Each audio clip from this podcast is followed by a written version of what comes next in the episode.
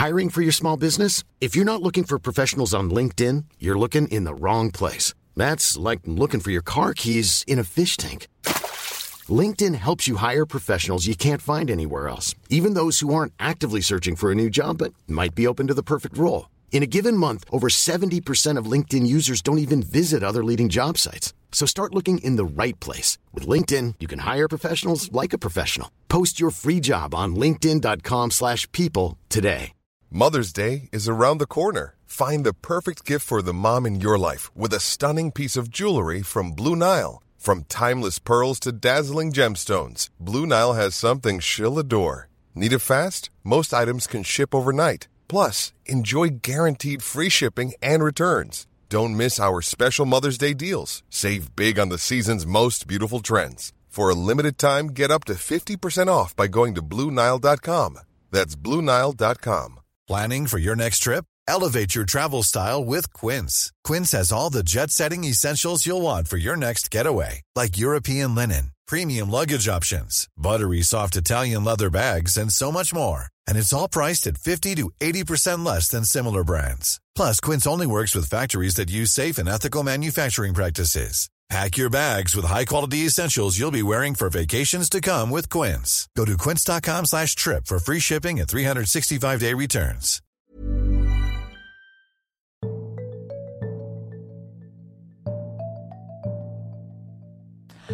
Hjärtligt välkomna till Kunskapsbanken On Air.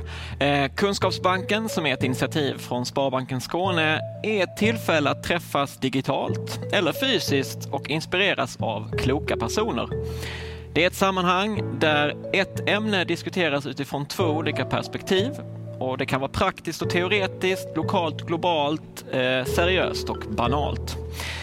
Vi kommer idag att prata om att vi tar situationen på allvar, så frågan är, får man skratta nu?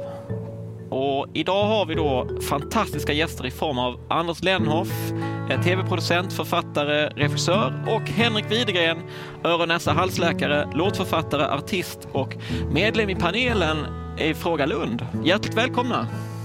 Tack så mycket. Tack. Eh, Henrik, du sitter på jobbet ser jag. Ja, ja, ja. ja. Ja, eh, och eh, Anders sitter på jobbet. Ja, faktiskt. Ja. Det, du är inte... Det är, nej, det är för, jag riskerar att möta färre personer på jobbet än vad jag gör hemma. Så att det här känns tryggt och bra.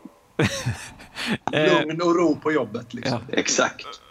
Men, men Henrik, du som är mitt i allas fokus här, mitt i sjukvården. Eh, upplever du då att vi tar situationen på allvar?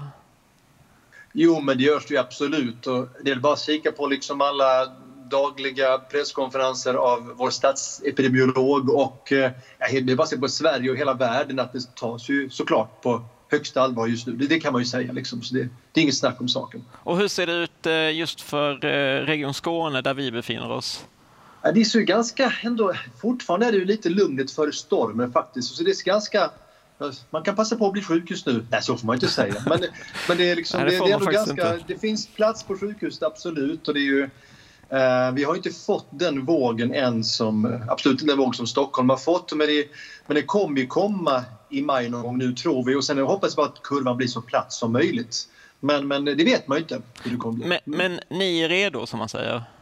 Ja, faktiskt. Vi är nog, ja, faktiskt. Ärmarna är uppkavlade och eh, avdelningar står redo. Så det, bara kom. Är, är det så att eh, folk backar tillbaka från eh, vanliga åkommor nu när, när man liksom tänker att man ska ge plats åt andra? Eller? Ja, det är faktiskt ganska otroligt och det, jag tycker det är en eloge faktiskt till svenskar i allmänhet att eh, när det kniper så skärper vi oss väldigt, väldigt bra. Alltså jag kan ju säga jag, de sista jourerna som jag har haft och, och då tar jag, jag är öronens halsläkare. och, går, och vi finns ju också på sjukhus som jourer och eh, men jag har faktiskt bara fått ta hand om de saker som verkligen måste göras på kvällar och nätter och helger. Ja, men I mitt exempel så kanske det är jag vet inte, svåra näsblödningar, eh, olyckor där man skadar ansiktet, folk som sätter saker i halsen. Eh, jag, jag har inte alls fått ta de där vanliga, folk som kommer in och oh, jag har haft lite, lite ont i halsen nu i några timmar och tycker det känns jobbigt. Som vi får i vanliga fall och är lite sura på. Men nu, nu kommer faktiskt folk bara när det behövs, vilket är en eloge tycker jag. Ja, ja men eh, vi, vi, så att eh, post corona så kommer de tillbaka tänker jag. Men, de kommer tillbaka. Ja. Eh, men vi, vi bör inleda lite grann här och, Anders, du, du har ju det teoretiska perspektivet. Men Henrik, nu utifrån ditt perspektiv, varför skrattar vi alls? Överhuvudtaget? Ja. Jo, men det är väl, det, det, då tvistar väl de lärde, men många pratar om att detta är inte en väldigt grundläggande kommunikation faktiskt. Att man, man kan bara ta som ett exempel, exempel att eh, hos, hos barnet till exempel, alltså när vårt, vi börjar ju och, ja, om man säger när barnet kommer ut så det första vi kan göra om vi ska kommunicera med mamma eller pappa är att gråta. Om barnet är hungrigt så gråter vi, om man är, har kissat på sig så gråter man, om man har ont så gråter man. Men sen vid två, tre månader ungefär så kommer faktiskt de första leenden och skratten. Och det är faktiskt bara inte barnet som härmar sin mamma eller pappa som står mitt emot och så gör de något sånt där och låter lite konstigt. Och då så exploderar ju mamma och pappa av glädje och ger dem mycket, mycket bättre service. Och sen blir det så här positiv feedback loop, och så skrattar de ännu, ännu mer och fäller ner ännu mer service och så funkar det så. Och sen ska man tänka, men sen så utvecklas detta, men de första orden kommer ju faktiskt först vid ett års ålder. Det är mycket, mycket senare utvecklingsmässigt. Och sen såklart så utvecklar vi språket efterhand så att vi kan kommunicera verbalt på mycket, mycket mer nyanserat sätt. Men då så tror då forskare att vi har kvar skrattet i vuxen ålder som en icke-verbal kommunikationskanal. Där vi liksom in, inom flocken visar vem vi, vem vi tycker om, vem vi ser upp till, vem vi inte tycker om och så vidare. Så det, det, det är nog som en klass extra kommunikationskanal, ex, ex, ett extra bredband vi har. Anders, är det det du jobbar med? En icke-verbal kommunikationskanal? Nej, jag jobbar med ganska verbala kommunikationskanaler. Eh, det var intressant det när Henrik berättade där om vad, hur, hur man reagerar när, bar, när barnet kommer och det tar så lång tid innan det första skrattet. Så tog det väldigt länge att du pratade om föräldrarna och inte barnet. Eh, men men det, det är också liksom, skratt, skratt är också en signal om att man är ofarlig. Alltså om man skämtar, ja. om man ler Ja, ja, så signalerar det att jag är inte farlig och att, du liksom, att jag just slog mig var kanske inte så allvarligt. Och så vidare. Det, ja. finns ju någon sorts avdramatiserande effekt i skratt som jag tror är väldigt eh, aktuell just nu. Ja, en känsla av att allt är under kontroll. Att man saker ja. under kontroll. Ja. För, för det samtidigt så, så skrattas det ju väldigt lite, eller det skämtas ju väldigt lite och, och, eh, i just de här så att säga officiella kanalerna. Eh, alltså statsepidemiologen ska inte skämta, tänker jag. Nej, men det, var väl, det är ju inte hans funktion. jag tror inte de skämtade så jättemycket. Hade man släppt fram Anders Tegnell innan så hade han inte varit kanske världens lustigkurre då heller. Det, är ju också... det kan vara en personlighetssak också. Jag, tror det liksom, jag känner inte Anders, jag kan inte säga så. Nej. Alltså det är svårt det där. Det, det, det där är saker som politiker får lära sig att det är väldigt, väldigt svårt att skämta. Det är, liksom, det är helt omöjligt att vara ironisk eller sarkastisk om man är politiker. Eh, det är sällan ett bra försvar, även om det försöks man, Trump försöker försvara sig just nu med att jag var bara sarkastisk. Det är ett jättedåligt försvar för politiker och har alltid varit. När de har skämtat om saker så tar folk dem på allvar, rycker loss citat ja. och så vidare. Så det är väldigt mycket vem som, vem som har mandat att skämta med allmänheten. Men Anders, du som eh, du jobbar ju i Sverige men även eh, eh, globalt som man säger och vi, nu befinner vi oss i det här, ett underbart digitalt möte. Det är alltid roligt att ses fysiskt och träffas på riktigt men just nu så är ju väldigt många möten digitala. Du har ju sett någon form av evolution av de här digitala mötena. Ja, det där är ju, jag tycker dels ska man ju ge folk, som Henrik vill på, en eloge faktiskt att vi lär oss ju saker ting. De här digitala mötena har ju blivit mycket, mycket bättre. Jag tror att alla håller med om det. Liksom. I början så pratade alla i munnen på varandra. Nu har man lärt sig att man stänger av micken och så vidare. Uh, men det har också blivit... Man ska inte dricka kaffe i bild heller. Man ska inte dricka kaffe i bild. Jag tog undan min falafel tio sekunder innan vi gick i luften och så vidare. Mm. Det, uh, men jag har, möt, jag har kontinuerliga, kontinuerliga möten med folk i, uh, på amerikanska västkusten.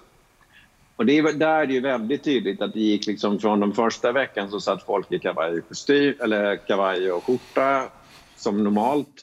Och sen gick man till utan kavajen och sen blev skjortan skrynkligare och sen blev skjortan en t-shirt och skägget blev större. Uh, vi, hade, vi, hade ett möte, Vi hade ett möte här om veckan. Som var, det här är en, en superetablerad eh, amerikansk tv-producent. Ett känt namn, känd entreprenör. Stor, stor man på många sätt. Han sitter hemma i sin Malibu mansion. Men, men där är också alla hans barn. Så att eh, fem minuter in på mötet så kommer hans son som är sex kommer in liksom och vill, tycker allting är tråkigt och boring. Och så knuffar han ut honom. Nej, det är lätt, du får komma sen. Ytterligare tre minuter senare så kommer samma son in i bild igen med en basketboll och börjar studsa den från pappas huvud.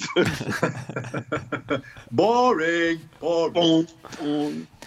Men det är, där vi, det är där vi är nu menar du? Det är där vi är nu. Bokstavligt talat fem minuter senare. Vi var tre amerikaner och två svenskar. Eh, vi hade amerikanen med sonen och basketbollen som han försökte hålla bort från huvudet. En annan amerikan med en dotter i knät som åt glass och spillde på pappan. Den tredje amerikanen hade gett upp så att han hade lyft upp sin hund i knät bara för att liksom inte vara utanför. Eh, det, det där är helt otänkbart. Det hade aldrig hänt för en månad sedan. Men nu är det plötsligt normalt vardag.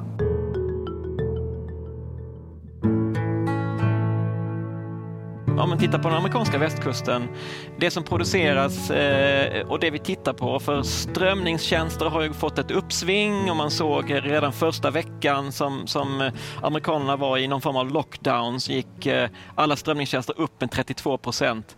Eh, de gick från kabel till strömningstjänster. Så det där har ju, men det har ju också satt lite problem vad det gäller själva utbudet, är det inte så Anders? Det är gigantiska problem. Alltså amerikanska tv-branschen har ju inte... Det, de har det inte kul. Det är inte, skattas inte så mycket där just nu. Uh, för de stängde ju ner allting. Svensk tv-bransch är drabbad, men amerikansk tv-bransch står i praktiken still. Och de har också under flera år förfinat sin produktionsmekanism och de ligger väldigt tajt på sändning. Så att de flesta, allra flesta amerikanska dramanserier har ju tagit slut nu. De har ingen säsongsfinal för att det finns inga fler avsnitt inspelade. Um, och de slutar ju mitt i en cliffhanger liksom, för det går inte att spela in. De får inte samlas och spela in. Uh, och det är, innebär att samtidigt som de traditionella tv-kanalerna faktiskt har de bästa tittarsiffrorna på tio år så har de ingenting att visa.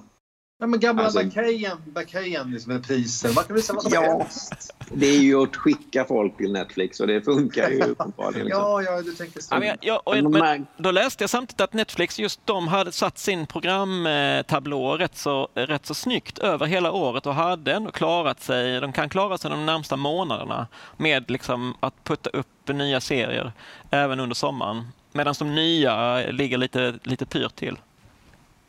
De har en lite annan affärsmodell i hur mycket de kan ligga. Netflix har ju gigantiskt mycket pengar så de har ju kunnat ligga i, med lite längre framförhållning. Uh, filmbranschen försöker göra det också. Liksom, nya James Bond-filmen skulle kommit men kommer nästa år. Um, och så vidare. Så att, men det kostar ju och, och det är ett, det är ett jätteproblem. Liksom. Eh, det, är, det är klart att det är ett problem för de stora bolagen men det är ju ett mycket större problem för de enskilda individerna jag har sett siffror på att det finns 100 000 arbetslösa filmarbetare i USA just, eller i, Los Angeles just nu. Och de har ju inte stora buffertar liksom, utan det är ju ljud, det är ljudtekniker och så vidare. Det går väl ingen brist nöd på Jennifer Aniston men men, Hennes frisör har förmodligen inte särskilt kul. Men om man, om man vandrar tillbaka till detta så, så de har inte så mycket att skratta åt. Eh, för, för, för, för det finns ju en del av detta som är väldigt allvarligt och seriöst i det att man kanske tappar sin, sin, eh, sitt, sitt uppehälle eller man vet inte var man befinner sig och det är en osäker framtid och så vidare. Vi tittade precis innan på två alster som du har gjort Henrik. Eh, Never Google your symptoms och eh, I am corona. Om man bara, Anders du får först utifrån ditt eh, teoretiska perspektiv, eh, var detta roligt? Eh, ja, ja, jag tycker det är väldigt roligt. Ja. Okay, ja. Tack, tack. ja. tack. Men det är, roligt, och det är roligt i många perspektiv förstås. Liksom. Det är, jag tycker det är, det är bra texter. Det är, jag, det där, jag uppskattar sånt där liksom, textrader som Say Hooray, I'm RNA och Men... Diagnosis and Medieval Prognosis tycker jag är jättekul. Men det, är också, det blir ju en extra grej eftersom Henrik faktiskt är läkare. det, det sätter jag ju en brukar säga det i alla fall. Jag brukar säga det som de tror det. Ja. Ja, men han, och det här är egentligen hans hemmakontor eh, som han har klätt upp som, som ett Region Skåne-kontor. Eh, men, men Henrik, eh, vad har du fått för reaktioner? För så, så precis som du säger så är du läkare och eh, sjunger samtidigt om saker och ting som alla kan relatera till. Men inte alla som uppskattar detta kanske? Nej, man kan säga först den där alltså, Never Google Your Symptoms. Den, ju, den skrevs ju för några år sedan och den engelska lades ut för, för ett år sedan ungefär. Och den, eh, såklart, den lades ut i Sverige från början. Så, eh, man kan väl säga att 98% tycker om den, om man har en siffra. Liksom. Men så finns det alltid några som tycker att...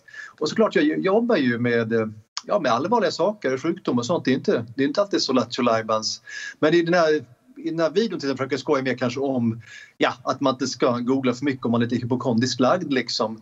Men så finns det ju ändå, när det lades ut i Sverige från början så ja, men det var vissa eh, folk från patientföreningar som blev mycket upprörda och tyckte tog det helt, helt på allvar som en doktorsrekommendation och sa att ni måste ta ner den här videon, folk kommer dö med det här budskapet. Så fick jag liksom ändå förklara att ja, det är ju inte helt alldeles såklart att man ska googla sina symptom om man vill det. Så det, så, så det finns ju alltid folk som, som som inte tycker att man ska skämta om saker och ting. Och, och, och sen såklart den där I am corona, den är ju den är mycket nyare såklart, men såklart den berör ju också ett, ett absolut seriöst ämne. Det gör den. Folk, folk blir sjuka i detta och, och, men den, var, den är ju mer tänkt som en slags eh, ja, underhållande utbildning, någon slags eh, infotainment, edutainment-aktig på något sätt. Men, att försöka få in ett budskap på ett glatt sätt. Men var, var det därför du skrev den så att säga? Ja, nej men något alltså jag tycker både, både skämta om det och så kunna, hur kan jag liksom, det finns mycket allvarlig information där. Man ska göra så och så. Men tänkte bara, hur kan jag få ut det lite lättare och lite, lite roligare på något sätt? Och så kan man få med kryddan också så det är väldigt trevligt. Liksom. Never Google Symptoms har ju över tre miljoner visningar på Youtube såg jag. Eh, Så den har ju fått någon form av global spridning och tittar man på kommentatorsfältet för din del så är du ju eh, väldigt populär i Korea. Den här eh, ja. I am corona hade liksom 95 procent var koreanska eh, kommentarer. Ja. ja, de har konstig smak i Sydkorea. Jag tror det är Sydkorea, inte Nordkorea, men det vet jag inte riktigt. Nej, det går säkert att få ut den statistiken. Men, ja. det kommer, om det är Nordkorea så kommer det bara en kommentar. ja, ja, de har en kommentar. Den bästa kommentaren. Ja, men, men är det, varför är det roligt att det är en läkare som sjunger, Anders? Jag tror det, ger, det ger någon sorts ny dimension. Det blir en bättre historia. Det här är en sjungande läkare. Sen signalerar Henrik det väldigt mycket liksom, i klädsel och så vidare. Men jag tror det. Jag, tänk, jag tänkte på en sak du sa där, liksom att eh, det kommer ju fram, eh, den här I am corona kan du ju faktiskt med lite välvilja se som en informationskanal eh, också. Liksom. Du säger ju faktiskt saker man ska liksom hålla avstånd och så vidare. Eh, och det, är ju, det tycker jag är en intressant aspekt. att Det är klart, kan man vara lite mer underhållande så går ju också budskapet fram. Vi är mycket bättre på att komma ihåg saker som vi liksom har lett åt eller nickat åt liksom sådär, liksom med ett leende än saker som bara upplevs som tråkig information. Så där tycker jag att ganska många kan kanske lära sig av det. Att, ja, men visst, är ni underhållande också kommer folk att paradoxalt nog att ta er lite mer på allvar ibland. Men, men, finns det något annat skrå som kanske kan slagit sig in på detta? Den sjungande revisorn? ja, men det låter ju kul med en sjungande revisor, absolut. Ja, Fonus, det... Fonus har en sångsida. Nej, det blir jobbigt. Ja, jag tror inte det. Men, men för, för det här med det, det seriösa, för vi, titt, vi tittade och pratade lite grann om den här One World eh, som sändes nu eh, där en stor mängd artister gick ihop och, och eh, några av de största eh, late night, eller de här eh, eh, vad heter det, programledarna för de här stora, stora sändningarna i USA gick ihop och var programledare där. Men det var en ganska seriös tillställning ändå. Ja, ja verkligen. Mycket pianoballader. Mycket pianoballader, väldigt mycket. Alltså, det är, jag tycker det är ett problem när folk som så här, det, det, jag står helt bakom det här man ska hylla vårdpersonal i allmänhet, men inte nödvändigtvis Henrik Widegren, men generellt sett tycker jag att det är jätteviktigt liksom att eh, du blir hyllad så det räcker ändå. Men, eh, av Korea? Av Korea. Men, Kim Jong-Un. men det är klart att... Ja, det är hans syster som gillar som, det. Som konsument av tv i det här fallet, för det, där, det är ju ett tv-program, så, så blir jag ju lite mätt på att folk står och säger att det är så viktigt att vi ska hylla våra hjältar i sjukvården. Även om jag håller med om det så är, så är det inte kanske nödvändigtvis det jag vill se eh, Billie Eilish göra. Jag vill höra henne sjunga eller, och vara lite underhållande för att de här artisterna de är jättebra på att underhålla. Det blir väldigt tydligt tycker jag när, när Rolling Stones kom in och faktiskt gjorde någonting som de såg ut att ha trevligt. De, de har kul. Liksom. Och då kan man ju tänka att de är verkligen i riskgrupp. Ja. det kanske ger ja. dem lite mandat att lätt slappna av och liksom vara föredöme bara genom att de var ju isär, de, var, de höll distansen liksom. Men de hade ju kul också. Det syntes. Det, tyck, det var väldigt befriande när det kom in någon i bild som faktiskt såg ut att ha roligt och inte bara var allvarstyngd. Och när de, de sjöng så tänkte man ju inte heller på liksom Alltså underhållning är också att få tankarna på någonting annat. Kom bort från krisen. Ja. Och klart man kan skoja om det men sen, jag tyckte också när jag såg Rolling Stones där så ja, då tänkte jag faktiskt inte alls på någon pandemi för, för, för tre minuter liksom. Och det var ju deras, för de, de, de bara gjorde sin goda sak. Liksom. Man tänkte mer på att Charlie Watts satt och spelade på några resväskor. ja, eh, verkligen. Ja, och ändå ett perfekt trumsoundtrack till, eh, till detta.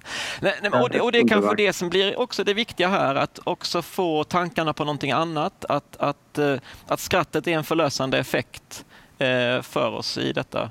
Ehm, så du hade, du hade kanske velat se en sjungande läkare i den här One World-sändningen, Anders?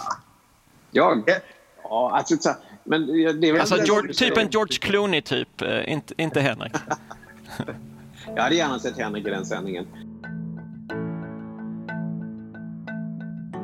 Skrattet är ju också en säkerhetsventil. Alltså underhållningen är en säkerhetsventil. Liksom. Om, man, om vi inte har om vi inte kan liksom slappna av och känna oss underhållna eller ha, le och ha lite trevligt så dör vi ju efter ett tag. Alltså det, det här är din avdelning Henrik men liksom, ja. det är, man kan ju inte tänka på bara det som är jobbigt 24 timmar om dygnet, eller i alla fall dygnets vakna timmar. Då mm. blir du ju sjuk. Du blir liksom, om inte fysiskt sjuk så blir du i alla fall deprimerad. Du måste få något sorts avslappning. Jag, eh, jag minns att jag och min mamma satt och skämtade med varandra på min eh, morfars begravning. Ibland så behöver man det bara för att kunna hantera någonting som ja som känns outhärdligt. Eh, och då kan man då liksom göra någonting, en referens till någonting han har sagt eller gjort. Då, då blir det lite mer... Då, då, då är det lättare att bära. Jag, helt Ja, men om man vänder på det så en av definitionerna av en depression är ju det som man säger liksom oavledbarhet. Att jag har inte förmåga att kunna se något kul i någonting. Så det, det är också en definition av en depression att jag, jag kan inte se något kul alls. Alltså det går inte för allting är bara grått. Så det, jag håller med, vänder man på det så jag tror absolut det, det och man kan ju som du sa begravning, man kan ta de exempel också nu, allt från hemska exempel från, nej, från koncentrationsläger då det också skämtades ganska friskt. Man kan ju inte sitta där i två år och se allt det hemska och inte på något sätt försöka prata. Alltså det, det, man, man mår inte bättre och det, jag tänker också när man nu alltid, jag gör mycket sång och sjukvård och sådana saker men jag tänker att folk blir ju inte min, folk blir inte mindre sjuka för att man sjunger dem. Det är någonstans liksom att det är ju Ja. Men, men, men eh, i detta som ni säger, får man då skämta om allt, eh, Henrik? ja, mitt svar... Ja, det är väl en... Det är alltid en, det är en standardfråga, men jag, jag, brukar se det så faktiskt att jag, jag brukar se det som att det finns egentligen två poler, två extremer. I ena extremen så finns ju de som som tycker man kan skämta om allt när som helst. Det viktiga är ett skämt, det viktiga med skämt är att det ska vara roligt. Det kvittar ifall det är opassande eller trampar någon på tårna, det ska vara roligt. Och sen liksom i andra polen så finns de som tycker att det viktigaste med ett skämt är att ingen tar illa vid sig. Eller att någon känner sig, liksom, att någon känner sig kränkt eller någon känner sig påhoppad. Um, för då, då, det behöver inte vara så kul men det viktigaste liksom, det, det ska vara, det ska vara ett, ett snällt, schysst skämt som inte um, hoppar på så många. Och där finns ju också kanske de som ibland blir så lite sekundärkränkta. Men till exempel, ja, om, om, om man, det skulle vara ett skämt om en hudläkare till exempel. Så kanske de tycker, då kan de tänka att jag tycker det var ett kul skämt men jag vet om att hudläkare inte skulle uppskatta det skämtet så jag tycker man ska inte skämta om det. Så det finns de här två polerna tänker jag och sen så de flesta av oss hamnar någonstans mitt här emellan och det är bara en fråga om tycke och smak då egentligen. Men såklart det finns de där extremerna som ja, men det finns ju folk som verkligen skojar om saker som jag tycker att ja, det där är så over the top, så osmakligt så jag, jag tycker inte det är kul ens. Men såklart de får skämta om det ifall de vill. Mm. Anders, har du någon... Eh... Nej, men det är, det är precis just så. Alltså det, det, det går... Det finns ju, om, om, man ska titta på det där liksom då, om, om, ur kränkhetsperspektiv, det finns ju alltid någon person som får skämta om vad som helst. Om det nu är liksom, hudläkaren får skämta om hudläkare och så vidare. Liksom. Mm. Men det blir... Um, vad som är roligt är alltid subjektivt. Ja. Det finns ingen objektiv sanning för vad som är kul. Det finns, man kan definiera liksom hur ett bra skämt är konstruerat men om folk skrattar åt det det, det är så subjektivt. Det har att göra med tidsandan, det har att göra med sammanhanget av vem som berättar och så vidare. Och vi har väl alla upplevt att någonting som är extremt opassande i situationen faktiskt blir fantastiskt roligt. Ja. Äh, så att, ja, jag, jag tycker man får skämta om allting men det finns ett personligt ansvar i att kanske inte stöta sig med folk i onödan, i alla fall inte aktivt eller medvetet.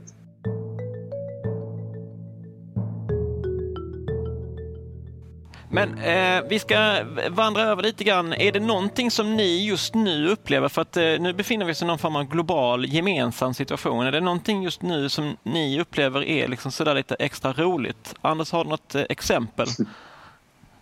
Eh, jag gillar ju när folk gör... Jag gillar ambitiösa grejer. Liksom. Eh, eh, jag gillar ehm, det där liksom när folk liksom anstränger sig lite. Det är bra. Henrik är ett bra exempel på det. Liksom. Du, när du gör dina videor, liksom, då är det fullt ut. Sånt gillar jag. Jag gillar den här eh, familjen som sjunger Les Misérables som jag tror att vi har va? Ja men vi har det. Vi ska faktiskt ta och titta på ett litet klipp här. De sjunger One Day More från Les Misérables. En underbar liten familj någonstans i Storbritannien. Vi rullar det klippet. with you. You know, the day just blue. So we swear.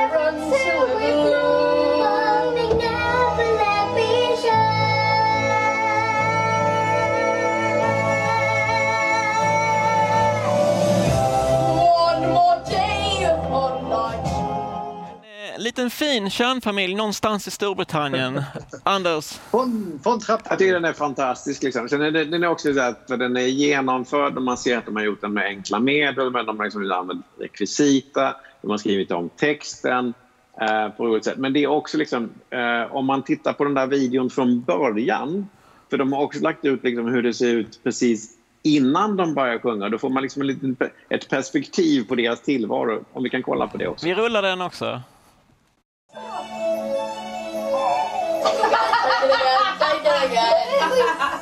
We do it. Yeah, we can't do it. We do it. We just have him out. Hey, stop, stop. Come on, shut up. Why are you hitting me? I haven't done anything. Quiet. Yeah, you're being loud. She's just hit me all day. That's all she's done no, to me all day. That. No, all you did, Teddy. Shh. He's a bully. Eh, det här, det, och vi, vilket ju faktiskt är, eh, sätter ju liksom per, perspektivet på hela den här eh, karantänen som väldigt många befinner sig i, i, i världen. Henrik, du, du hade också ett klipp som, som vi har här. Så vi, vi rullar ja, det faktiskt direkt. Jag var lite mindre ambitiöst. ja.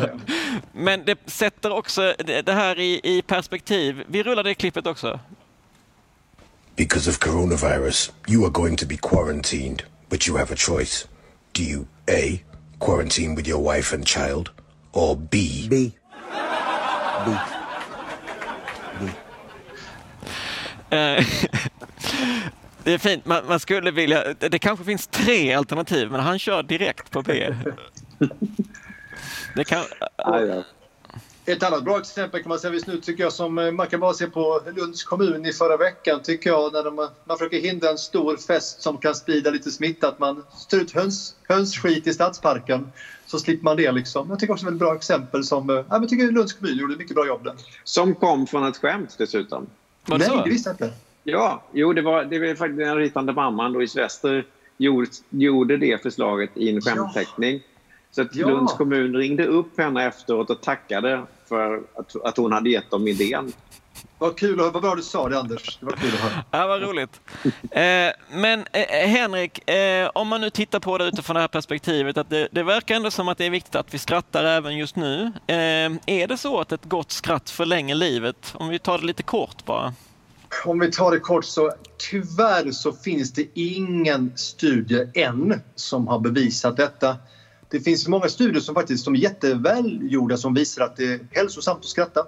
Det är bra för hjärtat, eh, det sänker blodtrycket, eh, det minskar stress, kan vara bra för immunförsvaret, eh, minskar smärta och sådana saker. Men det är ju inte samma sak egentligen att det är hälsosamt som att någonting egentligen förlänger livet. Det kan ju inte bevisa det. Och man kan också tänka på hur skulle man kunna bevisa, göra en sån studie? Jag tänkte en kort tanke att man kanske skulle kunna man, kan, man skulle kunna skicka ut enkäter till alla plus 100-åringar på ålderdomshemmen i Sverige. Ska man fråga dem, har du skrattat mycket i livet? Och så får de fylla i för från 1 till 10 och så vidare och skicka tillbaka in. Men då finns det liksom två stora felkällor här. Dels då så, så minns vi roliga saker mycket, mycket bättre. De har ju glömt bort liksom att de åt barkbröd hela 30-talet. Men så kommer de ihåg den där gången som svärmor fastnade i mangen. För det var jättekul liksom.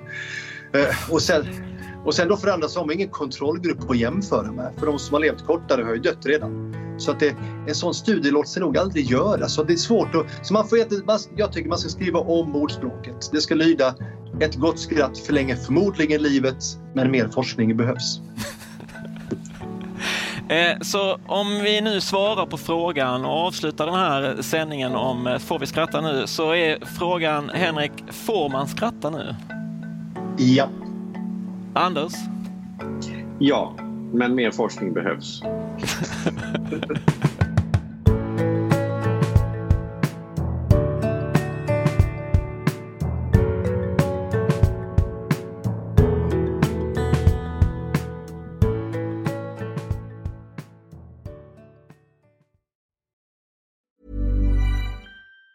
Even on a budget, quality is non-negotiable. That's why Quince is the place to score high-end essentials at 50 to 80% less than similar brands. Get your hands on buttery soft cashmere sweaters from just 60 bucks, Italian leather jackets, and so much more. And the best part about Quince, they exclusively partner with factories committed to safe, ethical, and responsible manufacturing. Elevate your style without the elevated price tag with Quince. Go to quince.com slash upgrade for free shipping and 365-day returns. When your skin feels nourished and glows, you radiate confidence. Osea makes giving your skin a glow up easy with their clean, clinically proven Mega Moisture Duo. This seaweed powered duo features two of Osea's best sellers, Undaria Algae Body Oil and Undaria Collagen Body Lotion. Glow from the inside out. Get 10% off your first order with code GLOW at OseaMalibu.com. That's O S E A Malibu.com code GLOW.